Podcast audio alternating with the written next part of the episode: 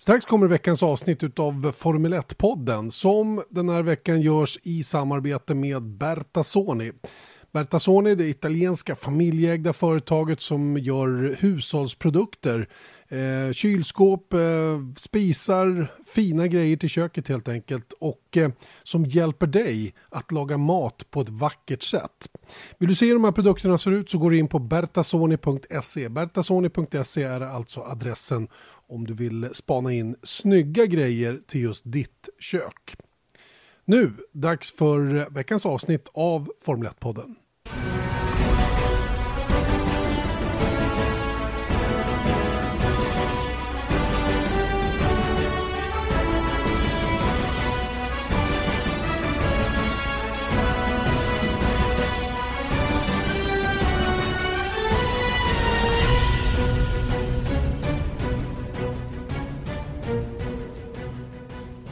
Varmt välkomna då till Viasat Motors Formel 1-podd som fortsätter i dessa coronatider att försöka i alla fall leverera senaste nytt ifrån Formel 1-världen och eh, faktum är att i, den här gången, den här tisdagen har vi lite tur för igår kom det stora nyheter från Formel 1, eller nyheter och nyheter, men det kom i alla fall lite besked ifrån Formel 1.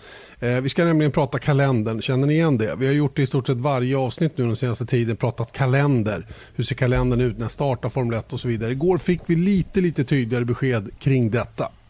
Vi ska även prata Lando Norris. Eh, Lando Norris som eh, blev inbjuden att köra Indycars race på Kota i deras iRacing Challenge. Och det gick ju sådär för Indycar-förarna för Lando Norris sopade banan med hela gänget. Hur smart var den inbjudan egentligen? Det ska vi tycka till om. Eh, och sen eh, blir det lite annat också. Vi kanske pratar Sebastian Vettels situation och lite sådana saker. Och varför ska vi göra det igen då? Jo, för vi har en lite speciell gäst idag, Erik Stenborg.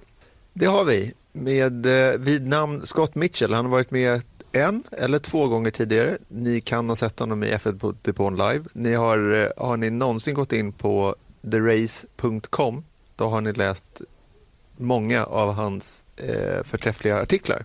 Och på din blogg. Han är överallt. Han är överallt. Han är överallt och en framförallt väldigt kunnig eh, journalist när det gäller framförallt Formel 1. Eh, och därför så är det dags att sätta på sig det engelska filtret där hemma om man lyssnar. Det är dags att eh, hänga med på engelska för det kommer att bli det resten av den här podden. Uh, welcome to the podcast, Scott Mitchell. Thank you very much. Um, I think it's probably better that we stick to English, otherwise I'm, I'm, I make even less sense in Swedish than I do in English. So we just praised your knowledge and everything, so you make a lot of sense, I guess. Men Janne, uh, Janne, Janne, vi kan ju snacka lite svenska ibland bara så att han inte hänger med riktigt. Kolla exakt, bort exakt, exakt. Vi kollar, we, we, make a, we make him uh, sort of confused. Yes. I, I think uh, I think if if you if you if you are talking up my my knowledge and intelligence, there needs to be a disclaimer at the start of this podcast that just lists it as fake news. okay, okay. But it's um, good to um, be it's good to be back on it's good to be on the podcast with Eric because obviously fans of the podcast will be aware of the the oh, minor yeah. inter, in, the minor internet feud that, that developed after my appearance during preseason testing. Yeah. Uh, tempers flared, uh, but we've uh, we've made up. So it's good to be here as teammates. We we, we really haven't made up. It was just it was all like, we haven't really talked about it. But that's uh, how that's how I deal with stuff. Yeah, I, I so, just let it go too. So That's, we, we have sort of an issue here. We did, but now now I, I kind of cooled down since then. Good, yeah, good. Let's uh, let's uh, let's be serious then uh, for the next hour or so uh, regarding this podcast. And um, uh, Scott, uh, to begin with we we got sort of a plan for Formula One to, to get restarted yesterday. From we got a statement from Chase Carey, but that was coming after the fact that Silverstone and the French, uh, the British and the French Grand Prix were were cancelled. First cancelled, and then the British Grand Prix was on again, but behind locked doors. Yeah, so it was. Um, it, it, we've had a little bit of silence from Formula One for uh, a couple of weeks now um, regarding the calendar, and then all of a sudden, uh, a trio of quick fire announcements uh, in the in the morning. Um, the the French Grand Prix being cancelled was uh, I, I, was expected because much like a lot of places in Europe, they've got very strict restrictions, um, including uh, events with uh, major audiences or, or, or, major events as they're as they're classified over there, and the, the French Grand Prix falls within the, the, the ban. So that was never going to happen. It's it's interesting because. The, there seems to be slightly mixed messages from Paul Ricard because it seemed to be completely ruled out as a an option for, for this year. Eric Boullier is talking about attention already turning to 2021. It's impossible to hold the event. But then there are one or two suggestions that actually all they're saying is it's impossible to hold the event on that date. And as we'll come to, F1 has this plan to race in Europe in July and August. Maybe France could go there, but maybe it wouldn't be called the French Grand Prix. So I don't really know how that that would that would work. My guess would be that Paul Ricard doesn't want to host the race unless it can have fans there. So it can't be the French Grand Prix because that would have to take place behind closed doors. Maybe they can they can host something later, um, but that's a bit confusing. And then Silverstone. Uh, with the restrictions that are in place in Britain and the amount of lead time that, that Silverstone needs to put everything in place, it's a massively, massively popular and well attended event. So they've just decided, in conjunction with Formula One, based on what's going on in the UK, that that they can't do what they need to do now to put the infrastructure in place to have fans at the British Grand Prix. But that doesn't mean that the British Grand Prix won't happen. It could still happen, but it would have to happen without fans, which would be which would be slightly weird considering that was for the last two years running has been voted the fans' favourite event of the season. Yeah, it would be, but still, I mean, just on that note, it's it's not a of course, you get the feeling of, of fans in the stands when you watch a race on TV, but it's not essential. I mean, a quiet football stadium is, is, is worse in that respect, I think. Yeah, no, I agree because uh, you when you're in a confined space, the the spectators add a lot more to the to, to the atmosphere because the, the noise reverberates. It's like being in a it's like being in an amphitheater. Um, uh, racetracks it's a little bit different. Sil- Silverstone Silverstone is one of those tracks that works. There are certain places around the track which are really good for it, especially when you've got a. Uh, Silverstone's very lucky that they've got a six-time Formula One world champion uh, racing in those Grand Prix and winning, uh, because they do go mental. It's it, it's become a little bit like the Tifosi at Monza, but just obviously not quite to the to the same extreme. So it will be slightly odd. I think the they, have outlined what is it July 5th the, the date for the Austrian Grand Prix which was already in the, the, the original schedule. So they're sticking with that as the starting point. Uh, so if we had uh, my understanding is two races at the Red Bull Ring one week apart and then potentially two races at Silverstone as well also one week apart but none of them with fans. So it would be it would be a very unusual way to start the season but I think it would be responsible yeah, but then just to take uh, what Chase Carey said in that statement, what what we can take from that is that there will be like they're increasingly. How did he say it? it was increasingly confident yes. that they would be able to start the season in uh, third to fifth of July in in Austria, and then as you said, two races in in Austria, then two races potentially uh, in Britain, and then more races in Europe, and then moving to the Eurasia, uh, and and which tracks are are included there? In like this is now we're talking September, October, right? Yeah, uh, it's difficult to know exactly which combination that they'll go for, but the way the way I see that there is my my expectation is we'll have two of uh, Russia, Azerbaijan, and Singapore I don't see, based on the calendar that they want to put together, I just don't see how you can still fit all three of them because the Asian leg is going to be more condensed because they want to try and get China and Vietnam in there. So something has to give, and Singapore is a is a city race, a street race, so that's really difficult for them to move their date. Um, I am not an expert in Russia. So I have I, I couldn't tell you how they're handling this this virus situation, but I would imagine based on based on finances and logistics, I mean, Singapore and Azerbaijan feel quite sensible from a financial point of view because it would be good for F1, but Russia and Azerbaijan feels a little bit more sensible from a logistical point of view, but it's difficult to say. And a street track, I mean, that's what we have always discussed, Janne, that it will be more difficult to to first of all to plan it because it's the track actually needs to be built. And if they're going to start building a track they really need to know that it's the race is actually going to happen. Because they don't want to build a track for a few months and then just disassemble uh, it again without being raced on. And also if we're talking about the the uh, audience, like racing without an audience, that's hard to do in in a in a street race. So it, just to me, this is just a, a, a, like the gut reaction I get from hearing that they're still planning to or hoping to get street tracks on there or city tracks. It seems yeah, but, more difficult. But but if if they if they get clearance to hold the race in Singapore uh, with enough time before the race is supposed to be held, then it's no problem to to uh, to facilitate the track itself. So that shouldn't be a problem. The problem is when the deadline is for the Singapore Grand Prix to be to be to start the preparation for it. Uh, and out of those three, two of them are street races, both the one in Baku and the one in in Singapore. Yeah. But uh, I mean, uh, it, it, needs to be sorted out if it's possible to hold the race or not quite know, soon, I guess. Exactly, and I think that's the problem with it because yeah. there's still no vaccine. There's still no. I mean, who knows what will happen? Like a second or third wave of the virus comes through Singapore for some yeah, reason, but, and then. But all this, all this is. Uh, all this is uh, the, the, the, the government itself needs to decide if they're going to open or not and and I guess uh, time will tell. But but um, because when we talk about second and third waves and stuff like that, what what will happen with the virus? Nobody knows at this point. Exactly. So I point. mean, uh, yeah, that's the well, point.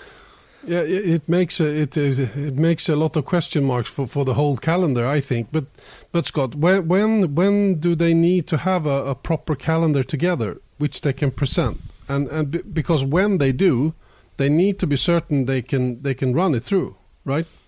Yeah, so uh, Carey Carey talks about having a calendar as soon as possible. Um, I my my feeling is that they need to have something sorted by the middle of May uh, because that is that ties in with um, some of the internal timelines that some major European governments are working to. Um, and it also means that the teams are going to have enough time to prepare because we've got this line in the sand now, July the 5th in Austria, but that means the teams need to be out there uh, by the by the end of June, um, or travelling out there at the end of June. Uh, but they're all in lockdown, uh, in shutdown, sorry, at the moment because we've had uh, among the various measures that have been taken, this summer shutdown that normally lasts 14 days in August has been brought forward, and I think it's it's two months worth of, uh, of, of days now, consecutive days of shutdown across March, April, and May. So some of the teams started earlier than others, but you will have the latest teams will be in shutdown until the very end of, of May or the first week of June. So they need four to five weeks. That's what we're told. That's what a couple of team bosses have told me. They need four to five weeks to build up to a to a start date. So if we work back from July the 5th. That takes us to the end of May. Uh, that's just to to start everything in the factories and get everything ready. So you then you you need to give the team teams at least a week or two's notice so that they know what they're doing. Uh, the, the the relevant authorities in Austria and the local authorities around Spielberg uh, they'll need to make sure that uh, the infrastructure is in place. That there are, if the teams are going to be staying there for two weeks instead of a week, you need to make sure that there's enough hotels or guest houses or farmhouses to convert. Uh, so uh, they don't have a lot of time. I think within the next two or three weeks, we will need to see something more concrete because you can't start this season until you know exactly what it's going to comprise. So it's not just this is a this is a this is okay as a line in the sand as a starting point. Put in a date on Austria and then a rough calendar for how the season plays out. That's fine now, But in two or three weeks, we need to know exactly how this season's going to start. If it's going to start in July. And how likely is it that we get the decision within two or three weeks? Uh, I think based on, I mean, I, I, know it's different from country to country, but if you look at the fact that Austria is uh, is in a good position with the way they're combating this virus and the way they're starting to to plan an ease of restrictions. If you look at major things like uh, the Premier League, the, the, the, the, football football league in in England, um, there are serious plans now ramping up to to get teams back into training, and then like like Formula One, the Premier League, and other sports in the UK want to want to resume behind closed doors. So I think there is genuine momentum at the moment to work out how sport can return behind closed doors, and I think that is why there is increasing confidence within the F1 organisation. And I think by the time we get to the middle of May, I think the situation will also be clearer. There will be more information available. We won't be at a position, as Eric said, where there's a vaccine or anything like that, but I, I would. I am cautiously optimistic that by the middle of May we will be in a position to be at least more informed and be able to work out what is the most sensible and responsible thing to do. Do you know under what conditions the teams need to prepare to be able to do this without? Say hello to a new era of mental health care. Cerebral is here to help you achieve your mental wellness goals with professional therapy and medication management support. 100% online. You'll experience the all new Cerebral Way, an innovative approach to mental wellness designed around you. You'll get a personalized treatment plan from a therapist, prescriber, or both in a safe and judgment free space. Your cerebral therapist or prescriber will outline a customized plan with clear milestones along the way so you can get to feeling your best. With Cerebral, you're not alone in your mental health journey. We're here to empower you to live a fulfilling life. So take that first step towards a brighter future and sign up today at cerebral.com slash podcast and use code ACasts to get 15% off your first month. Offer only valid on monthly plans. Other exclusions may apply. Offer ends July 31st, 2024. See site for details. Hey, I'm Ryan Reynolds. At Mint Mobile, we like to do the opposite of what Big Wireless does. They charge you a lot we charge you a little. So naturally, when they announced they'd be raising their prices due to inflation, we decided to deflate our prices due to not hating you. That's right. We're cutting the price of Mint Unlimited from $30 a month to just $15 a month. Give it a try at mintmobile.com slash switch. $45 upfront for three months plus taxes and fees. Promote for new customers for limited time. Unlimited more than 40 gigabytes per month. Slows. Full terms at mintmobile.com. An audience in place they need sort of a contained uh, contained environment for the teams and the and the and the, um, uh, all the volunteers that work around the track and all that. Well, I think you'd need. Um, I know Helmut Marko has, has talked about having uh, testing procedures in place that so that um, team members would need to make sure that they're um, that they're clear of the virus, have either tested positive for it and have since recovered, or they, they don't have it. Um, and then I think once you're in the area, I think you have to observe quite strict isolation practices so that you don't needlessly go to different parts of the of the country or different towns. But um, Chase, Chase Carey has been uh, has been quite clear um, about this. He said that there's still a lot of issues that they need to work out, um, not just to not just the procedures that the teams and the various partners need to get into a country, but also how they need to operate once they're there.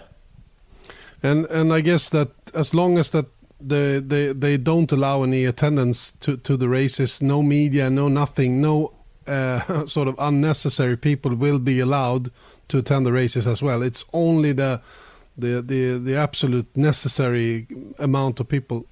Yeah, it's the they they need to do it on the, the bare minimum. Um, if I if you compare Formula One to other sports, um, which is obviously uh, often a very dangerous exercise, but if you look at football, um, you could have, in theory, uh, the, the the teams, the the coaching staff, the medical staff, the officials, and the relevant people to run the stadium.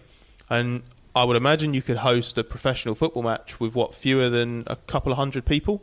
Um, in Formula One, you you you need literally hundreds, uh, and I think you would struggle to do a Formula One event with fewer than one thousand people. So um, it is it is is very tricky, and that's why the logistics around F1 getting started again uh, are actually a lot tougher than um, than than perhaps a, a, sport like football or, or, rugby or cricket.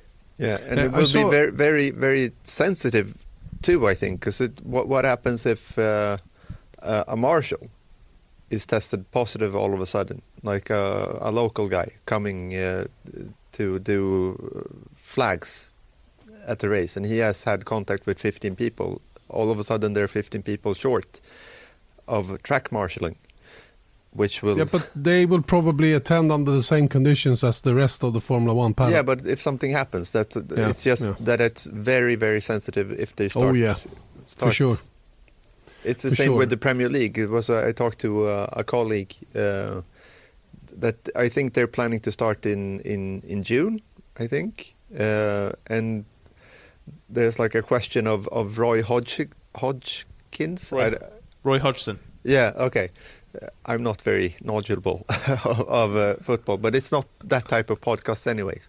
But he's he's like over 80, and yeah. there's a question of him him being a risk group, and so would he be allowed to even coaching his team?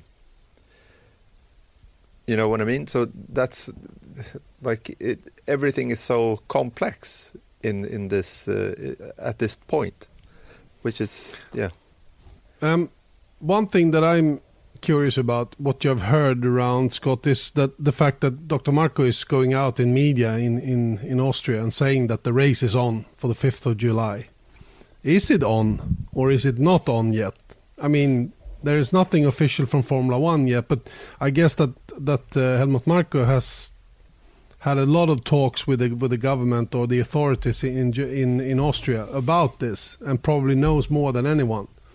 I think uh, I think Formula One has to play it as responsibly as possible. So outlining July 5th as the provisional start date makes it very clear that that is what they are working towards.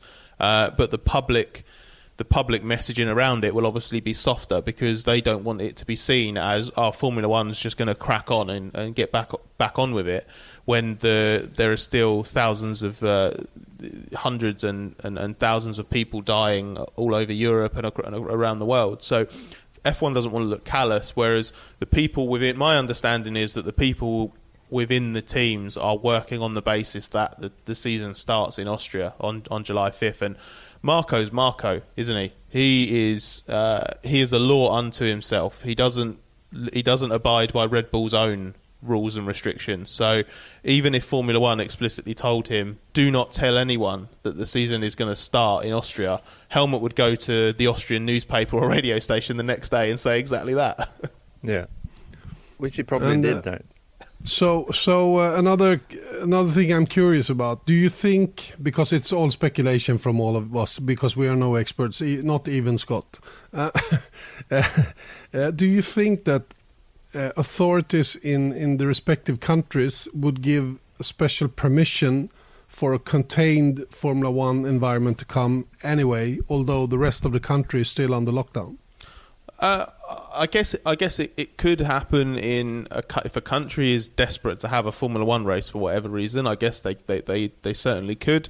Whether it will or not, I I, I don't think it can because uh, the governments have a responsibility to everyone everyone there, and you're you're talking about millions of people whose lives are being impacted, hundreds and and in well most cases thousands of people have died, and hundreds of people are dying every day.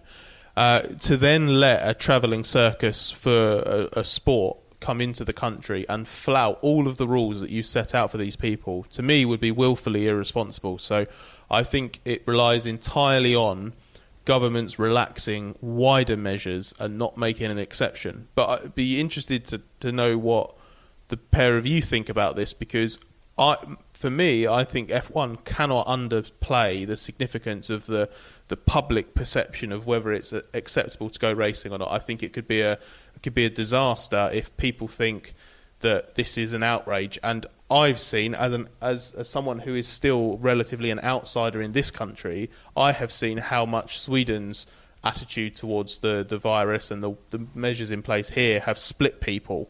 and it's been a controversy, and that's just related to government measures. If Sweden then turned around and said, "And now we're going to invite loads of other people in," I can imagine people being up in arms. But it'd be interested to know what you think. I couldn't agree more, and I think it's that's the the, the biggest problem here. That it's it's uh, the the risk is almost higher than the reward going just a tiny bit too too early.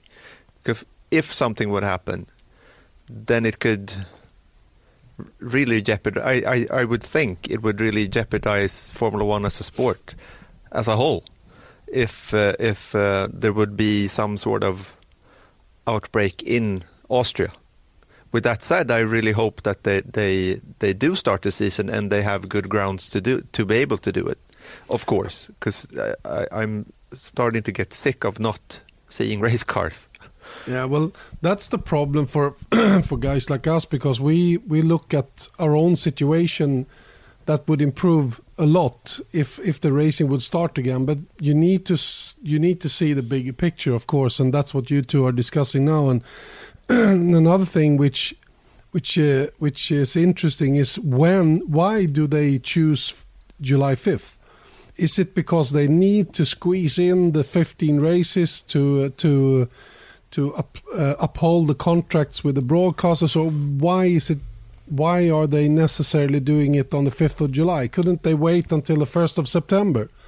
I, I think it's because um, I think it's because if you look at it from a point, we don't want to be we don't want to be opportunistic at a time like this because, as Eric said, the the risk if you if you act opportunistically, the risk outweighs the rewards. But with every government and every major sport looking at June and July as a as a time where it would start to be responsible to seriously re-engage in competition.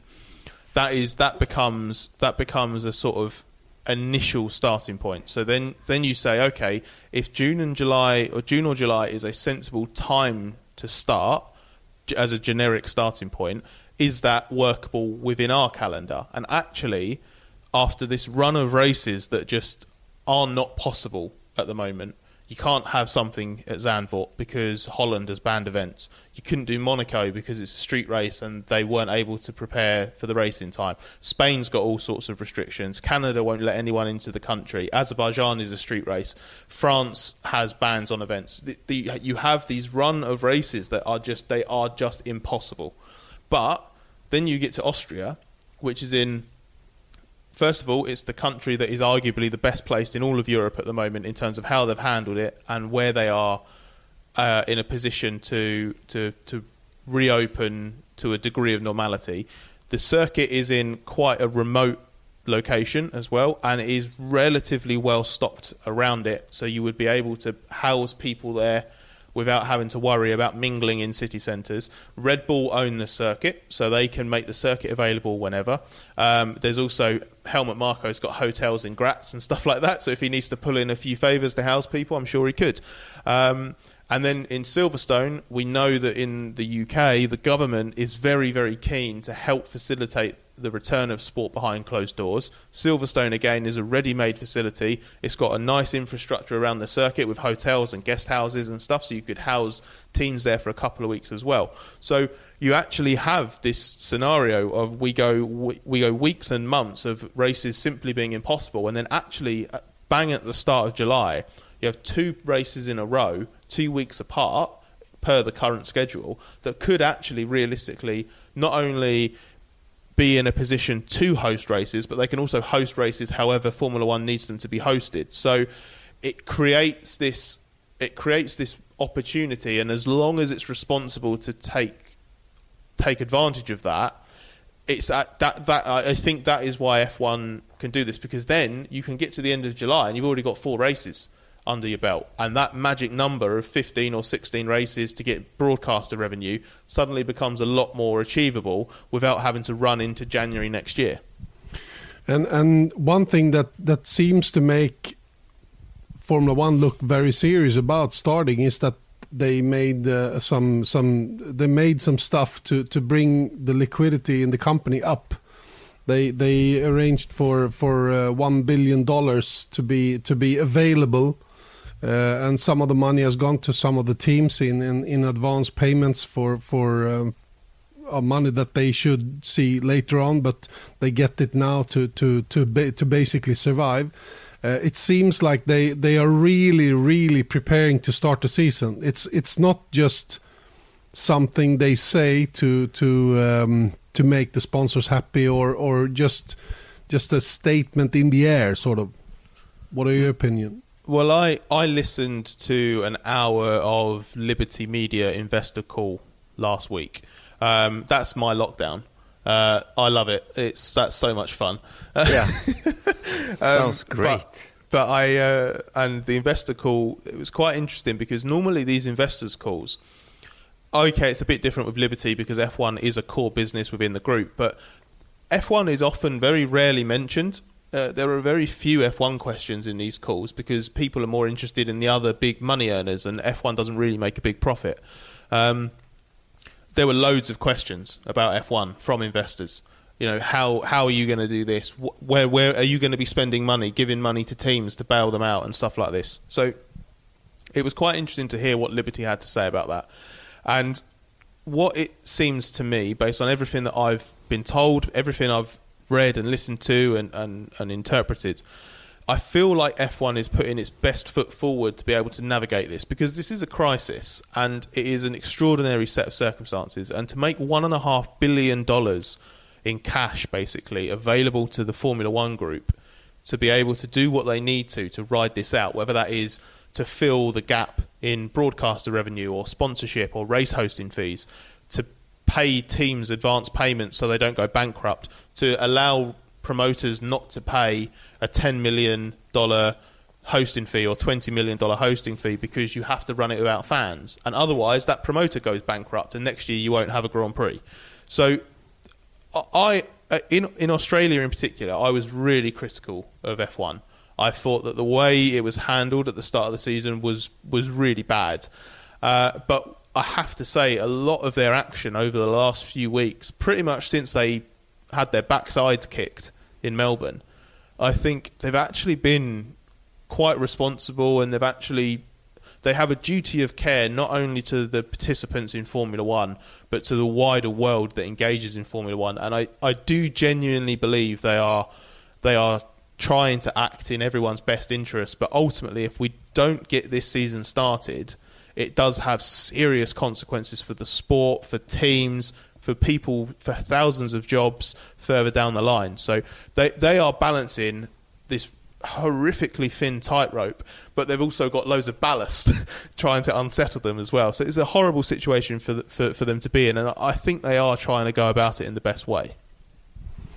Okay. Um when when we talked about the calendar earlier, we uh, uh, you mentioned that uh, we're going to Eurasia, where we suppose the Sochi and Baku and, and, Singapore is, is part of, but then we have the Asia part, which which is of course uh, Japan, uh, but also Vietnam and China. They they're trying to fit Vietnam and China in uh, somewhere within within this time frame. I'm looking at the weather situation. I don't really know how the weather is in Vietnam in October, uh, but I guess there is a reason they want to hold the race in uh, in April. So I mean, is is um, how do you see how do you see, uh, for instance, Vietnam being being held? Uh, it's a very good question. I think it depends. I think that I think with Vietnam, I think there are two options. I think if Europe is in Botox Cosmetic, out of botulinum toxin A, FDA approved for over 20 years. So, talk to your specialist to see if Botox Cosmetic is right for you. For full prescribing information, including boxed warning, visit BotoxCosmetic.com or call 877-351-0300. Remember to ask for Botox Cosmetic by name. To see for yourself and learn more, visit BotoxCosmetic.com. That's BotoxCosmetic.com. In a position where it can't host races in. I think if Europe is in a position where it can't host races in July and August, which is possible, ultimately, if restrictions don't get don't get lifted or reduced, um, then I think August suddenly becomes an option to try and fit in something like Vietnam and maybe even China. Um, so I think Vietnam may be in August, but I think the fact that they've laid out Asia as being in October suggests to me that they they would look to to fit it in around um, China and Japan because you want to try and commit it region to region. I suppose I suppose there could potentially be a third option, depending on this. This is why it's so complicated for them. There is this run of races in the Americas. Uh, I can't see Canada happening because by the time we get to the Americas, we're well into the winter in Montreal. So if you look at the US, Mexico, and Brazil, US and Mexico are already back to back. Then there's a week off. Then there's Brazil. Then there's a week off. Then there's Abu Dhabi. But we know that Abu Dhabi is going back a week later, and Bahrain's going to fit in before Abu Dhabi. So Brazil could potentially fall by the wayside, and then Vietnam goes in there. But that would mean F1 going from Asia to the Americas, back to Asia, and then to the Middle East. So it's it depends how desperate they are. If they need Vietnam or they really want it because it's uh, a paying race and it's a liberty race as well, maybe they will um, maybe they will bend over backwards to, to facilitate it. But it's um, it's really complicated and exactly how it fits in is, is really hard to work out. So um, should we come to some sort of conclusion here? Are we going to have a Formula One season in 2020 or not? Let's do a vote. Let, us do a vote. yeah. No, but give it a give us a percentage chance. Start with you, Erik. yeah, th- that it will be a season. I, I think it's a, a really good chance, like a ninety percent chance. This is this is Ooh. from the hip. That's a high. That's a high number, yeah. Yeah, but that we will have it. But I I, I feel uh, it it's I can't let go of the thought of of potentially Formula One being the first one to take that step. I, I mean, we were in Australia, as you said, Scott, and we were in St. Pete, uh, ready to get the IndyCar season going. But then, just taking the IndyCar example, uh, they were supposed to, to race. They had practice going for the support uh, uh series. Same but story then, in the in Australia. Yeah, but then everyone else started to canceling, like NHL, NBA, uh, all the other sports series started to cancel their their seasons, and then that made it impossible. I mean, they could have run that race. I think uh, they, they were they were about to, but then when everyone else started doing their stuff, they they couldn't you know keep going, and I think that's the the biggest problem here to to be potentially the first major sports event taking place. I mean, Bundesliga in football are are about to get going in May, they say, and and the Premier League in June. So it might they might not be the first, but considering the the complexities of Formula One, it's going to be interesting to see if they are able to take that step just as a you know it, it's a big step saying that they're actually going through with it. Especially so, as it's a especially as it's a global championship as well. Exactly, it's it, it's, yeah. it's, more than it's more than just going going back competing uh, domestically, isn't it? And yeah, the, that that's the complication. I mean, I, I, I actually agree with, uh, with, with Erik's number for a, for a season happening. I'd be ninety percent sure that a season will happen, but the percentage rapidly decreases when it comes to confidence over how many races it will be. So, um, but, but 90, so the number 90 for how many races, Erik? 10? Um, Difficult yes. questions here. Yes, yes. I'll say 10, but don't 10. hold me okay. to it. No, no, no, but, but, and you, Scott? I think they've targeted 15 to 18 that is so high. I can't see that happening. I think I I think there is more than half a chance of getting 15 in. I think 15 is is doable. I'm willing to be the absurdly optimistic one with this answer. so 90% and 15 races. Yeah, yeah. Okay, let's be optimistic. Fair enough. Okay. I, I stick you. to I, I stick now to you, yeah, you're Yeah. you're trying to dodge it. Yeah. No, well, I, I stick to 90 as well. I, I think there is a good chance of having a season, but I, I think that 90, 90% is with Erik's number, like 10, 10 11, 12 races. And, and as you said, Scott, the, the, the, the percentage will decrease uh, with the number of races they want to do. So, so I say it's it's less than 50% chance of having 15 to 18 races. I would say, but, Yeah. but uh, if we can have a season of 10 races, which means we can have a world champion, then I'm I'm happy. Uh, whatever happens with Formula One and their agreements with the broadcasters and all that, that's that's not my. I don't care about that. I, I just want to see some sort of season going on, and, and to be able to to crown a champion. That would be nice. I think from a very very difficult year, and if they can achieve that, they have done a splendid job. Uh, just just making that happen, uh, all things considered. especially if they can avoid running into January next year. I think it's a big achievement for them to to to put together whether it's 10 races, 12 races or 15 races. If you just get to the end of 2020, a season is done. You don't um, you don't put the teams in a really difficult position at the start of 2021 before a new season begins.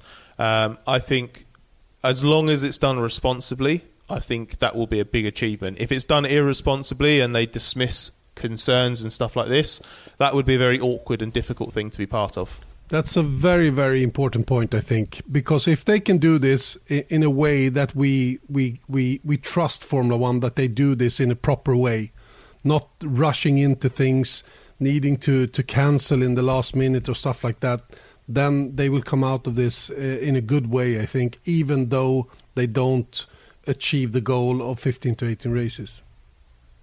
Okej, ni lyssnar på via, via, Viasat Motors Formel 1-podd. Janne Blomqvist, Erik Stenborg. Idag gästad av Scott Mitchell. Vi har pratat jättelänge nu om eh, det här som eh, är en plan i alla fall för en kalender för 2020. Något som eh, en del misstror väldigt mycket, andra hoppas väldigt mycket på och är man någonstans mitt emellan så tror jag man är hyfsat nära sanning i alla fall. Eh, jag tänkte vi släpper kalendern nu Erik och börjar prata lite eh, simracing igen nu. För du, eh, du har lite issues med en sak, nämligen det faktum att Indycar bjöd in Lando Norris till det senaste iRacing eh, Challenge-racet på Circuit of the Americas. And just to invite Scott into the discussion as well, um, Eric, um, Eric has some issues with Lando being invited to the IndyCar iRacing Challenge race uh, at Kota, where he won immediately. So Eric, get right onto it. Yes, let me really tear Be this angry. shit up. Yeah, I'm gonna Yeah, be, be super angry. angry. I've al- al- al- already been the, the, the bad cop in this show. I feel so. Yeah, well. I'm, I'm the negative one this week. Stick, stick to it. Stick to it. Yeah. No, but the thing is that, as most of you listening to this probably know, was that Lando Norris participated in the iRacing Challenge of uh, IndyCar with McLaren at the Circuit of the Americas on Saturday, and he uh, won the race. I think he topped every practice session pretty much, and and he qualified on pole. He had a spin, and won anyways, and which have wi- uh, I've noticed that people are taking that result maybe a, a bit too serious in terms of, of talent of, uh, of drivers in IndyCar. I mean, this is not uh, like professional journalists or, uh, you know, other drivers saying that IndyCar drivers are bad because they, they couldn't keep up with Norris um, in an in an iRacing uh, race. But still, it's what IndyCar is trying to do at this point is to build up the series. It's gaining interests. Uh, they're trying to build up um, the talent pool, which is, in my view, very high. Uh, and and they're doing better. I mean, in the last two three years, they they've really gained some traction in terms of interest, and what they did is is they they invited arguable. I mean, you could say that Lando Norris is is certainly along uh, among the the real race car drivers. He's one of the he's top five in the world probably in iRacing. and they invited him competing to their stars. Um, to I mean, with with their drivers have most of them have have raced in iRacing for maybe four, five, six weeks, and Norris. I read somewhere that he he's been on iRacing since he was six years old, which makes it hard for anyone to keep up with him because it's a it's sort of an uneven thing. uneven yeah. contest. Yeah, yeah, and they just opened the door for criticism here. That's okay. my point of view. So, Scott, what's your take on this? Uh, I, I understand. I understand Erik's point. Actually, um, I think it's. I I think the the value that someone like Lando brings is that he has a profile that what what comes with that experience of racing online and the presence that he comes online he has online is he has a profile like no other. If you, I, have I've followed a, quite a bit of the, I've followed quite a bit of the F1 drivers um, sharing their stuff on Twitch, streaming F1 races or, or other exploits, um, and. Uh, I particularly enjoyed following Max Verstappen when he was him and Lando did the the Team Redline uh, Pro Driver Series online in different cars, and Verstappen won that. And I watched every race, uh, practice, not all the practice, obviously, but I watched every qualifying and every race from Verstappen's onboard. Um, I'm, I, have, I haven't got around to writing it yet, but it's to do a piece on basically like looking at how he, he drives and that sort of thing. And um, no one has a profile like Norris. The number of people that follow his live streams and stuff like this, the audience that he brings to something is is colossal. So the argument I think would be that at a time like this, uh, when it's easier for there to be crossover between series, Lando brings an audience to IndyCar that IndyCar simply wouldn't otherwise had. The problem with that is it's not a legitimate crossover. So no. if Lando went and did a real world IndyCar race, he wouldn't boss every practice qualifying and, and, and race. Look at how hard Alonso found it, even when yeah. he had you know forget the forget the disastrous attempt to qualify for Indy. When he went there, when the McLaren car was run by a proper IndyCar team, he was still he was there or thereabouts, but he, he, he wasn't dominating. And it's it's not the same as even when Verstappen did the supercars races. You know, Verstappen was at least in the mix. He was in the middle of it. he was battling with established guys, and that was really good because then a driver can go away and say, "Oh, I had this amazing fight with Max Verstappen, arguably the best driver in Formula One."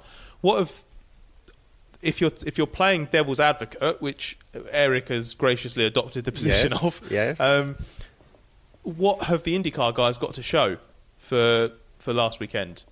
Something that they are dedicating their entire career to They've just been completely shown up by someone who's come in to do it for a laugh. Basically, that mm. is that is the worst case scenario. The, again, the flip side to that is if you looked at how Lando prepared for it, he got his F1 engineering to do proper debriefs from testing. He did it really seriously the whole way through. So you can look at it one of two ways, but it, it it it is fair of Erik to flag this because it would be wrong and it would be quite ignorant to look at it as a universally positive thing. There are always pros and cons to, to stuff like this. And we, we come back to the discussion we have had, Erik, you and me, about how shall we look at the sim racing in general. Exactly. How should we attack the, the, the whole sim racing thing? Mm-hmm. Uh, what what what? How should we uh, validate it? How what, what, what is it? How good how, how good are you when you're good at sim racing or, or whatever? It is a it is an isolated uh, thing. You are good at sim racing, fine, but it's not the the same thing as, as racing in real life. So I mean, um, no, but I, I, I, I think actually, that's the problem. Yeah, because yeah. people are, have, have a hard time. You know, it's what I said a few weeks ago in this podcast. I think that it's it's hard to to figure out even within yourself whether it's fun to look at the iRacing Challenge in IndyCar and and seeing that everyone is taking it very serious. I think that's a good thing, of course. But then all of a sudden, I just get a, a flash in my brain saying that this isn't real. This doesn't mean anything, you know. So I have a hard time, you know, figuring out what, what to make of of uh, of iRacing. I mean, it's good that it's there since we don't have anything else right now, and I, I enjoy it. I watch all all the IndyCar races and I watch the Formula One races, of course, even though they're very different from each other. But I still, it doesn't hold any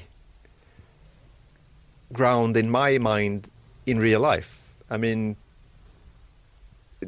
I, I actually spoke to Marcus Ericsson. I'm, I'm uh, yesterday evening because, and we, we spoke a little bit about this, and he said it was actually very positive for him to to do this. First of all, to to kill some time, but also he's new in Ganassi, and he said it was like a, he's working with this engineer, his spotter, and everything, and that's a.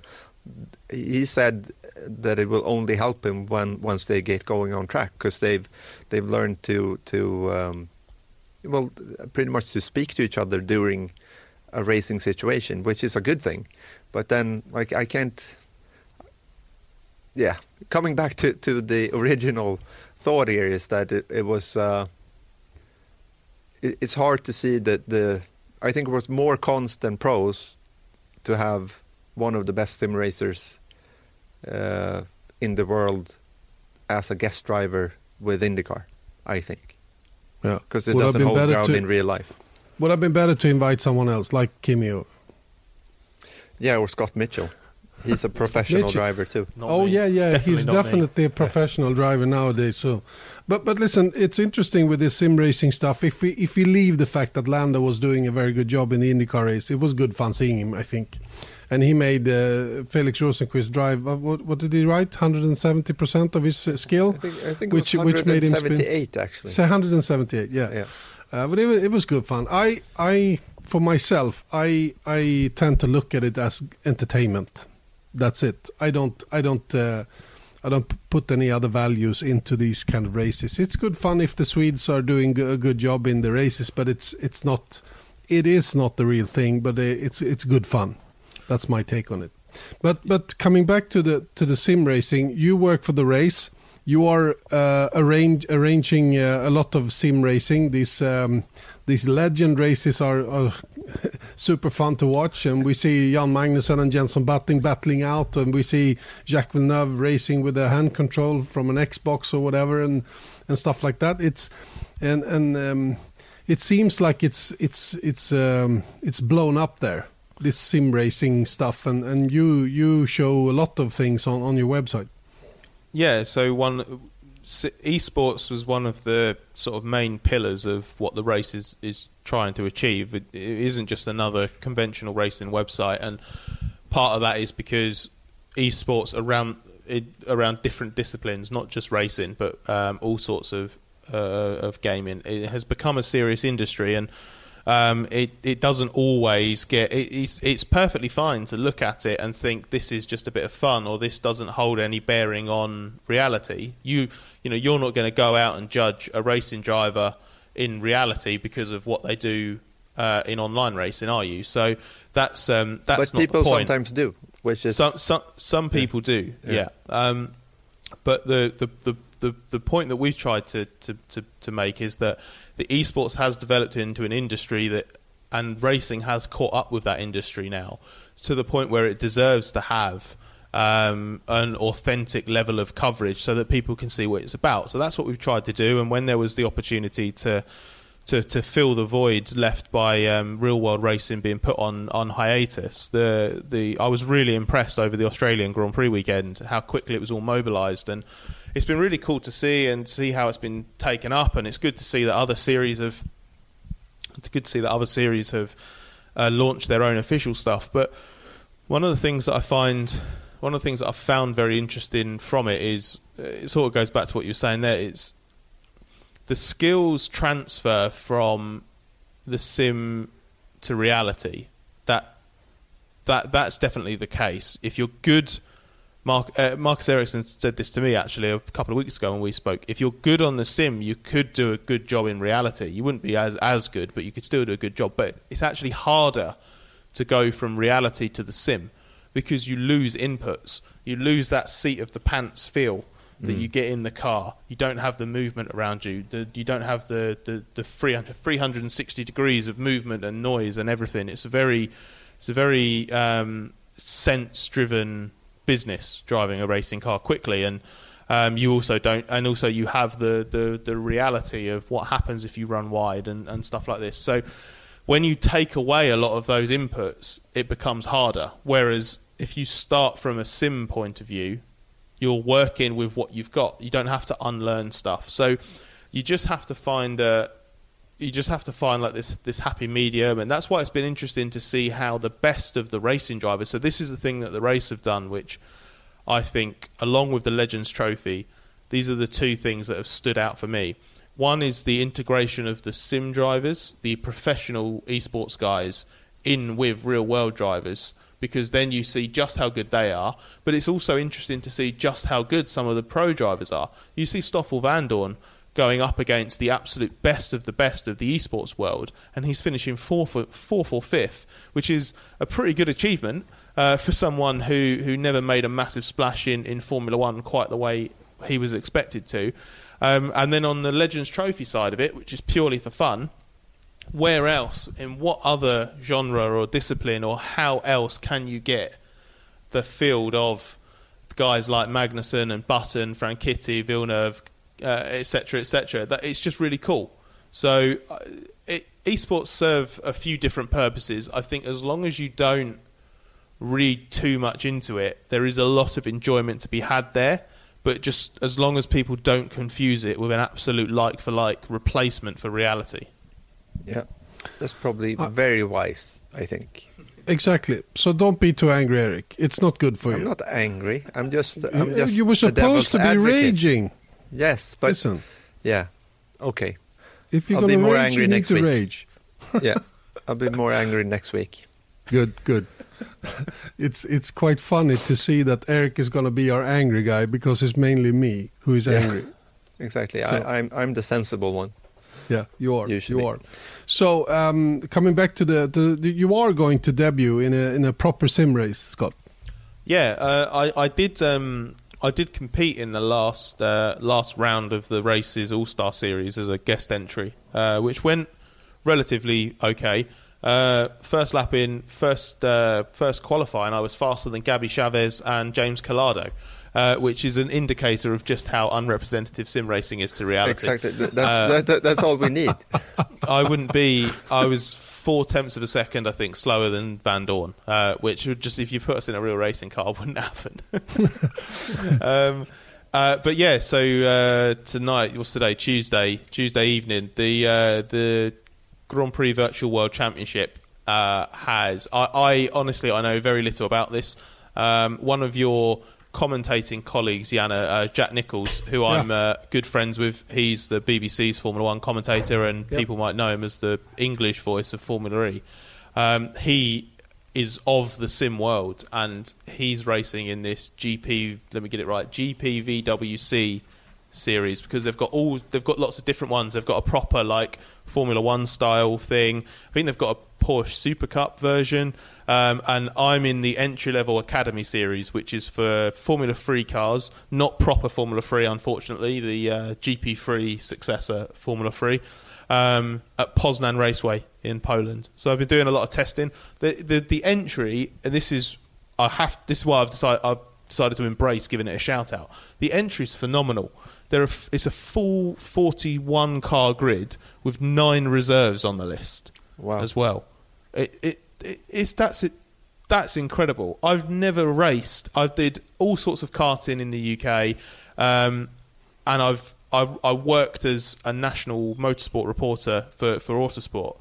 Um, there are very very few classes of racing in real world that get oversubscribed, and that is one of the other cool things about esport.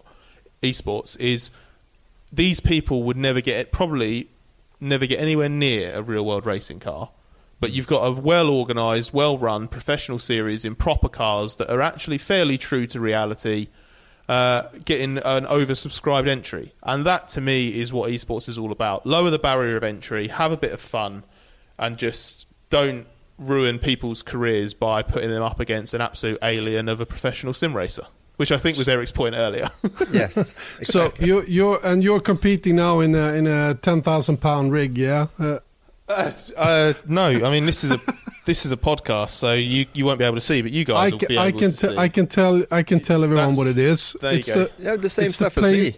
Yeah, it's the Playseat challenge. Yep. Uh, the foldable Playseat Yep. that you uh, that you can have, uh, which is easy to to uh, both uh, stow away and to access when you need it. And then- and, and and the wheel is what? It's a nice cheap. Hang on, let me see if I get it. It's a nice, relatively cheap Logitech G920.